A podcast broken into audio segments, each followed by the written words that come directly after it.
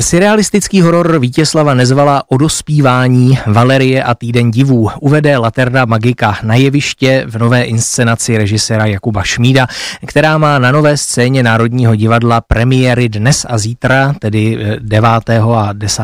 listopadu v obou případech od 20 hodin. A více už nám o tomto novém představení teď poví sám režisér Jakub Šmíd, který je právě mým hostem na telefonu v dopoledním vysílání Rádia Klasik Praha. Dobré dopoledne. Dobré dopoledne. Možná ještě známější než ta původní nezvalová próza z roku 1935 je pak i filmová adaptace Valerie od režiséra Jaromila Jireše. Vycházeli jste v té vaší divadelní adaptaci přímo z nezvalova textu nebo vás nějak inspiroval i ten zmíněný film? Tak my jsme samozřejmě při adaptování nezvalova textu společně s dramaturgyní Hanou Strejčkovou eh, film brali na vědomí ale vraceli jsme se spíš k literárním základům. Ten film, který máme moc rádi, nás spíše upozorňoval na určitá úskalí, která při adaptaci tak rozvolněné surrealistické novely mohou nastat. Eh, je to například eh, velká složitost děje nebo příliš otevřený konec, takže my jsme se podívali, jak se s tím poprali naši předchůdci, ale zároveň jsme se snažili najít nový a hlavně jevištní jazyk.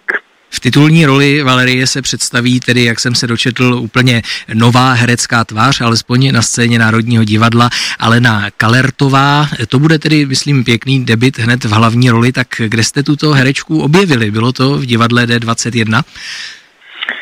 Ano, Aneta Kalertová je mladá dívka, které bylo čerstvě 18 let a já jsem ji objevil v představení vyhnání Gerty Schnirch eh, na scéně Žižkovského divadla kde stvárňovala právě mladou Gertu a zaujala mě eh, jednak svou jevištní prezencí, protože ač je mladá, tak má obrovské charisma a zároveň mě zaujala také svým zpěvem, protože jsem věděl, že role Valerie bude částečně zpívaná, protože jsme se eh, inspirovali i poezí Vítězslava Nezvala a vytvořili jsme několik autorských písní, které eh, v Laterně Magice zazní. Takže ano, je to její debit na scéně Národního divadla, je velmi statečná že to celé zvládla. Kromě ní tam samozřejmě bude i řada dalších známých hereckých men.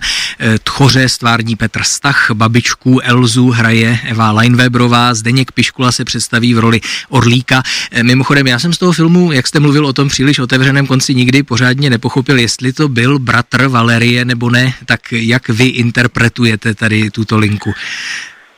Ano, u nás tato linka, tu jsme zvolili jako takovou hořkou poentu celého příběhu, protože Valerii a týden divů vyprávíme také v jedné z liní jako milostný příběh, který vlastně popisuje začátek eh, vztahu mladé lásky a když dojde k jejímu naplnění, tak se bohužel od Lík Valerii dozvídají, že jsou vlastně dvojčata.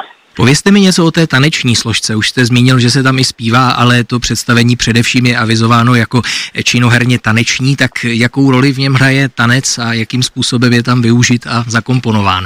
Takže za choreografií stojí eh, Jiří Pokorný a eh, hudbu složil David Hlaváč. A my jsme si řekli, že chceme stvořit v Laterně Magice multižánrové představení, které se nebude vyjadřovat právě jenom činoherně, ale také tanečně a máme proto u kompany šesti tanečníků a jedné tanečnice Jaroslavy Rameš Janečkové, která představuje roli Hedviky a tanečníci představují takovou skupinu fantomů, která je vlastně taková družina právě onoho tchoře, ono je záporné postavy.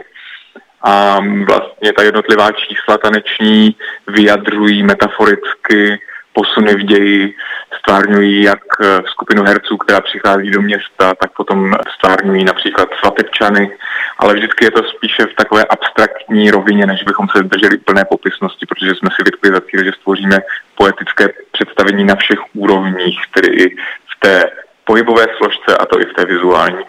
Laterna Magika tradičně je vnímána jako multimediální divadlo, návštěvníci jsou tam zvyklí na filmové projekce. Budou taky filmové projekce hrát nějakou roli ve vaší nové inscenaci? Ano, budou. Docela zásadní.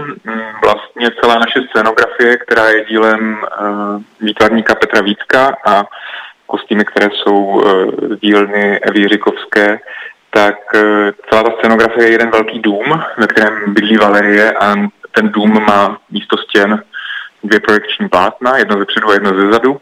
a nám se tím pádem daří pomocí filmových dotáček vytvářet takový, já bych řekl, několika úrovňový obraz. My vlastně tvoříme představy Valerie o situacích, které vidíme na jevišti, takže pracujeme nějakým způsobem asociativně. Některé z těch projekcí jsou eh, interaktivní, že navazují na pohyb herců, takže snažili jsme se uchopit laternu magiku eh, s úctou k tradici a zároveň s nějakou současnou optikou divadelní. Mm-hmm. Zároveň je jasné, že Valerie se k tomu duchu laterny magiky hodí i stylově prostřednictvím toho odkazu českého poetismu a tak dále. Nicméně svým způsobem je to tedy horor, zároveň je to i látka s dost citelným erotickým podtextem. Je to představení vhodné pro mládež, ačkoliv je tedy o mládeži a o dospívání? Já doufám, že ano. Dokonce už jsme měli dvě generálky, eh, které byly s lidmi a Včera uh, nás navštívilo několik škol a my jsme se k té látce nesnažili přistupovat nikterak vulgárně.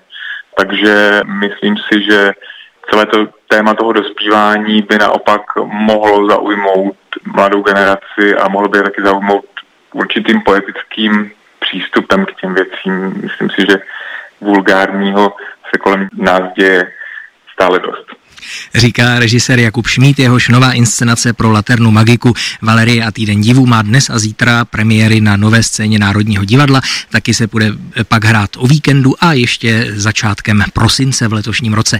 Moc vám děkuji za rozhovor, přeji představení mnoho spokojených návštěvníků a ať se vám daří naslyšenou. Děkuji, nasledanou.